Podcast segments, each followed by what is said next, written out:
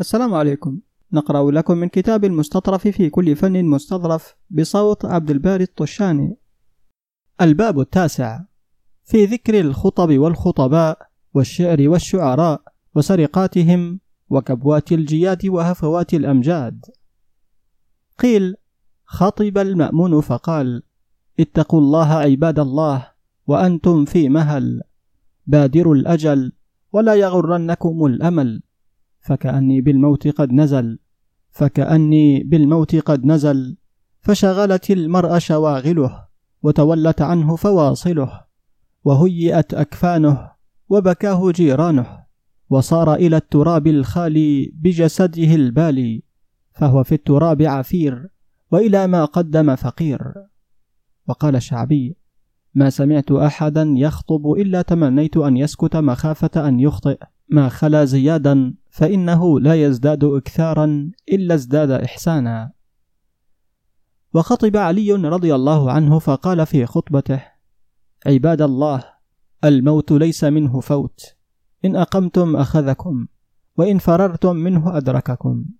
الموت معقود بنواصيكم فالنجا النجا والوحى الوحى. فإن وراءكم طالبا حثيثا وهو القبر. ألا وإن القبر روضة من رياض الجنة أو حفرة من حفر النار. ألا وإنه يتكلم في كل يوم ثلاث كلمات فيقول أنا بيت الظلمة أنا بيت الوحشة أنا بيت الديدان. ألا وإن وراء ذلك اليوم يوما أشد منه يوما يشيب فيه الصغير ويسكر فيه الكبير. قال تعالى تذهل كل مرضعة عما أرضعت وتضع كل ذات حمل حملها وترى الناس سكارى وما هم بسكارى ولكن عذاب الله شديد. الحج الآية اثنان. ألا وإن وراء ذلك اليوم يوما أشد منه فيه نار تستعر حرها شديد وقعرها بعيد وحليها حديد وماؤها صديد ليس لله فيها رحمة. قال فبكى المسلمون بكاء شديدا. ثم قال ألا وإن وراء ذلك اليوم؟ قال تعالى وجنة عرضها السماوات والأرض أعدت للمتقين. العمران 133 أدخلنا الله وإياكم دار النعيم. وأجارنا وإياكم من العذاب الأليم. وخطب الحجاج بن يوسف فقال في بعض خطبه إن إبراهيم بن عبد الله بن الحسن رضي الله عنه خطب بالبصرة فقال أيها الناس كل كلام في غير ذكر فهو لغو وكل صمت في غير فكر فهو سهو. والدنيا حلم والآخرة يقظة والموت متوسط بينهما. ونحن في أضغاث أحلام. قيل اجتمع الناس عند معاوية وقام الخطباء لبيعة يزيد وأظهر قوم الكراهة. فقام رجل من الخطباء من عذرة يقال له يزيد بن المقنع فاخترط من سيفه شبرا ثم قال أمير المؤمنين هذا؟ وأشار إلى معاوية ثم قال فإن يهلك فهذا. وأشار إلى يزيد ثم قال فمن أبى فهذا وأشار إلى سيفه فقال له معاوية أنت سيد الخطباء. في ذكر الشعر والشعراء وسرقاتهم. قيل ما استدعي شارد الشعر بمثل الماء الجاري والشرف العالي والمكان الخضر الخالي. وقيل أمسك على النابغة الجعدي أربعين يوما فلم ينطق بالشعر. ثم إن بني جعدة غزوا فظفروا فاستخفه الطرب والفرح فرام الشعر فذل له ما استصعب عليه. فقال له قومه والله لنحن بإطلاق لسان شاعرنا أسر منا بالظفر بعدونا. وقال أبو نواس ما قلت الشعر حتى رويت لستين امرأة منهن الخنساء وليلى فما ظنك بالرجال؟ وقال الرجال الشعراء أمراء الكلام. يتصرفون فيه كيف شاءوا جائز لهم فيه ما لا يجوز لغيرهم من إطلاق المعنى وتقييده ومن تسهيل اللفظ وتعقيده وقيل وفد زياد بن عبد الله على معاوية فقال له أقرأت القرآن؟ قال نعم قال أقرضت القريض؟ قال نعم قال أرويت الشعر؟ قال لا فكتب إلى عبد الله أبي زياد بارك الله لك في ابنك فأروه الشعر فقد وجدته كاملا. وإني سمعت عمر بن الخطاب رضي الله عنه يقول أرو الشعر فإنه يدل على محاسن الأخلاق ويقي مساويها وتعلموا الأنساب فرب رحم مجهولة قد وصفت بعرفان النسب وتعلموا من النجوم ما يدلكم على سبلكم في البر والبحر. ولقد همت بالهرب يوم صفين فما ثبتني إلا قول القائل أقول لها إذا جشأت وجاشت مكانك تحمدي أو تستريحي. وقيل لم ير قط أعلم بالشعر والشعراء من خلف الأحمر. كان يعمل الشعر على ألسنة الفحول من القدماء فلا يتميز عن فحولهم. ثم تنسك فكان يختم القرآن كل يوم وليلة. وبذل له بعض الملوك مالا جزيلا على أن يتكلم في بيت من الشعر شكوا فيه فأبى. وكان الحسن بن علي رضي الله عنه يعطي الشعراء فقيل له في ذلك فقال خير مالك ما وقيت به عرضك. وقال أبو الزناد ما رأيت أروى للشعر من عروة. قلت له ما أرواك يا أبا عبد الله؟ فقال وما روايتي مع رواية عائشة رضي الله عنها. ما كان ينزل بها شيء إلا أنشدت فيه شعرا. وكان رسول الله صلى الله عليه وسلم يتمثل بقول القائل كفى الإسلام والشيب للمرء ناهيا. ولم ينطق به موزونا. فقال أبو بكر الصديق رضي الله عنه أشهد أنك رسول الله حقا. وتلا قوله تعالى وما علمناه الشعر وما ينبغي له. ياسين 69 ولنذكر نبذة من سرقات الشعراء وسقطاتهم. فمن ذلك قول قيس بن الخطيم وهو شاعر الأوس وشجاعها وما المال والأخلاق إلا معارة فما استطعت من معروفها فتزودي. وكيف يخفى ما أخذه مع اشتهار قصيدة طرف بن العبد وهي معلقة على الكعبة يقول فيها لعمرك ما الأيام إلا معارة فما استطعت من معروفها فتزودي. ومن ذلك قول عبدة بن الطيب فما كان قيس هلكه هلك واحد ولكنه بنيان قوم تهدما. أخذه من قول امرئ القيس فلو أنها نفسي تموت شريتها ولكنها نفس تساقط أنفسا. ويقال من سرق شيئا واسترقه فقد استحقه وهو أن يسرق الشاعر المعنى دون اللفظ. فمن السرقة الفاحشة قول كثير في عبد الملك بن مروان إذا ما أراد الغزو لم يثن همه حصان عليها عقد در يزينها. أخذه من قول الحطيئة ولم يغير سوى الروي. إذا ما أراد الغزو لم يثن همه. حصان عليها لؤلؤ وشنوف.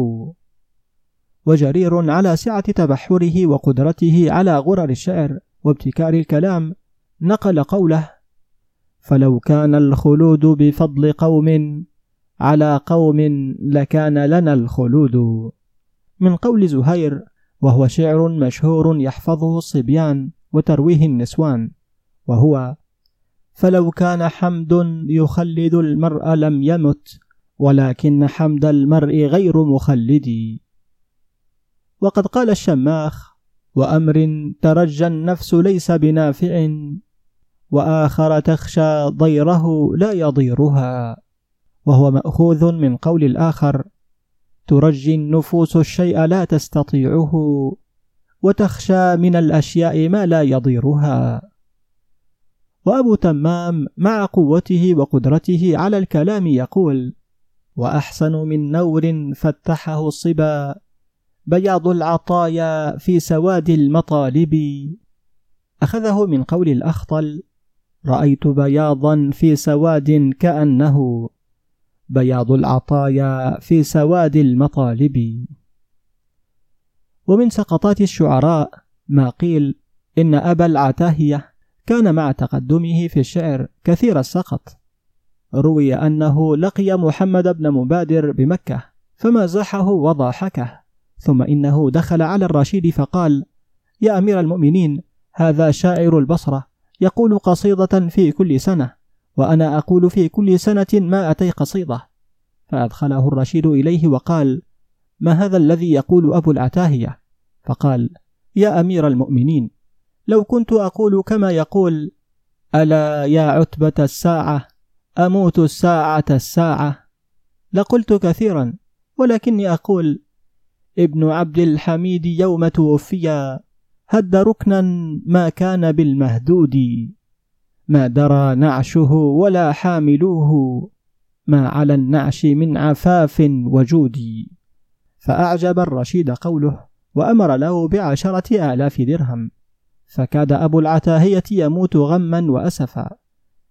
وكان بشار بن برد يسمونه أبا المحدثين ويسلمون إليه في الفضيلة والسبق. وبعض أهل اللغة يستشهد بشعره ومع ذلك قال إنما عظم سليما حبتي قصب السكر لا عظم الجمل. وإذا أدنيت منها بصلا غلب المسك على ريح البصل. هذا مع قوله إذا قامت لمشيتها تثنت كأن عظامها من خيزران. ومع قوله في الفخر كأن مثار النقع فوق رؤوسنا وأسيافنا ليل تهاوى كواكبه. ومع قوله أيضا إذا أنت لم تشرب مرارا على القذى ظمئت ظمئت وأي الناس تصفو مشاربه. وأبو الطيب المتنبي في فضله المشهور وأخذه بزمام الكلام وقوته على رقائق المعاني وعلى ما في شعره من الحكم والأمثال السائرة يقول وضاقت الأرض حتى صار هاربهم. إذا رأى غير شيء ظنه رجلا. وغير شيء معناه المعدوم والمعدوم لا يرى فهذا سقط فاحش. ومما يستهجن من قوله وتكاد أن تمجه الأسماع قوله تقلقلت بالهم الذي قلقل الحشا. قلاقل عش كلهن قلاقل. وقوله وقد جمع بين قبح اللفظ وبرودة المعنى إن كان مثلك كان هو أو كائن فبرئت حينئذ من الإسلام. ومن معانيه المسروقة قوله ونهب نفوس أهل النهب أولى بأهل المجد من نهب القماش. أخذه من قول أبي تمام إن الأسود أسود الغاب همتها يوم الكريهة في المسلوب للسلب قال أبو عبد الله الزبيري اجتمع راوية جرير وراوية كثير وراوية جميل وراوية الأحوص وراوية نصيب فافتخر كل منهم وقال صاحبي أشعر فحكموا السيدة سكينة بنت الحسين رضي الله تعالى عنهما بينهم لعقلها وتبصرها بالشعر فخرجوا حتى استأذنوا عليها. وذكروا لها أمرهم. فقالت لراوية جرير أليس صاحبك الذي يقول طرقتك صائدة القلوب وليس ذا وقت الزيارة فارجعي بسلام وأي ساعة أحلى من الزيارة بالطرق. قبح الله صاحبك وقبح شعره فهلا قال فادخلي بسلام ثم قالت لراوية كثير أليس صاحبك الذي يقول يقر بعيني ما يقر بعينها وأحسن شيء ما به العين قرت وليس شيء أقر بعينها من النكاح. أيحب صاحبك أن ينكح؟ قبح الله صاحبك وقبح شعره. ثم قالت لراوية جميل أليس صاحبك الذي يقول فلو تركت عقلي معي ما طلبتها ولكن طلبيها لما فات من عقلي. فما أراه هوى وإنما طلب عقله قبح الله صاحبك وقبح شعره. ثم قالت لراوية نصيب أليس صاحبك الذي يقول أهيم بدعد ما حييت فإن أمت فوا حزني من ذا يهيم بها بعدي. فما له همة إلا من يتعشقها بعده. قبحه الله وقبح شعره. هل قال أهيم بدعد ما حييت فإن أمت فلا صلح الدعد لذي خلة بعدي. ثم قالت لراوية الأحوص أليس صاحبك الذي يقول من عاشقين تواعدا وتراسلا ليلا إذا نجم الثريا حلقا. باتا بأنعم ليلة وألذها حتى إذا وضح الصباح تفرقا. قبحه الله وقبح شعره هلا قال تعنقا. فلم تثن على واحد منهم وأحجم رواتهم عن جوابها رضي الله عنها. وروى ابن الكلبي قال لما أفضت الخلافة إلى عمر بن عبد العزيز وفدت إليه الشعراء كما كانت تفد على الخلفاء من قبله فأقاموا ببابه أياما لا يؤذن لهم في الدخول حتى قدم علي بن أرطاءة عليه وكان منه بمكانة فتعرض له جرير وقال يا أيها الرجل المزجي مطيته هذا زمانك إني قد خلا زمني. أبلغ خليفتنا إن كنت لاقيه أني لدى الباب كالمشدود في قرني. لا تنس حاجتنا لاقيت مغفرة قد طال مكثي عن أهلي وعن وطني. فقال نعم يا أبا عبد الله. فلما دخل على عمر بن عبد العزيز رضي الله عنه قال يا أمير المؤمنين الشعراء ببابك وألسنتهم مسمومة وسهامهم صائبة. فقال عمر رضي الله عنه ما لي وللشعراء. فقال يا أمير المؤمنين إن رسول الله صلى الله عليه وسلم مدح فأعطى وفيه أسوة لكل مسلم. قال صدقت فمن بالباب منهم؟ قال ابن عمك عمر بن أبي ربيعة القرشي. قال لا قرب الله قرابته. ولا حيا وجهه. أليس هو القائل؟ ألا ليتني في يوم تدنو منيتي. شممت الذي ما بين عينيك والفم. وليت طهوري كان ريقك كله. وليت حنوطي من مشاشك والدم. ويا ليت سلمى في القبور ضجيعتي. هنالك أو في جنة أو جهنم. فليته عدو الله تمنى لقاءها في الدنيا ثم يعمل عملا صالحا. والله لا يدخل علي أبدا. فمن بالباب غيره ممن ذكرت؟ قال جميل بن معمر العذري. قال أليس هو القائل؟ ألا ليتنا نحيا جميعا فإن نمت. يوافي لدى الموت ضريحي ضريحها. فما أنا في طول الحياة براغب. إذا قيل قد سوي عليها صفيحها. أظل نهاري لا أراها وتلتقي. مع الليل روحي في المنام وروحها. والله لا يدخل علي أبدا. فمن بالباب غيره ممن ذكرت؟ قال كثير عزة. قال أليس هو القائل؟ رهبان مدين والذين عهدتهم يبكون من حذر الفراق قعودا. لو يسمعون كما سمعت حديثها خروا لعزة ركعا وسجودا. أبعده الله. فوالله لا يدخل علي أبدا. فمن بالباب غيره ممن ذكرت؟ قال الأحوص الأنصاري. قال أبعده الله. والله لا يدخل علي أبدا. أليس هو القائل وقد أفسد على رجل من أهل المدينة جاريته حتى هرب بها منه؟ الله بيني وبين سيدها يفر مني بها وأتبعه. فمن بالباب غيره ممن ذكرت؟ قال همام بن غالب الفرزدق. قال أليس هو القائل يفتخر بالزنا في قوله هما دليان من ثمانين قامة كمن قد باز لين الريش كاسره فلما استوت رجلاي في الأرض قالتا أحي فيرجى أم قتيل نحاذره؟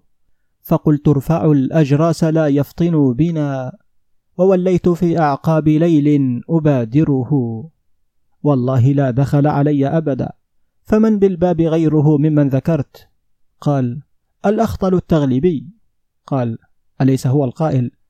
ولست بصائم رمضان عمري ولست بآكل لحم الأضاحي ولست بزاجر عيسا بكورا إلى أطلال مكة بالنجاح ولست بقائم كالعبد يدعو قبيل الصبح حي على الفلاح.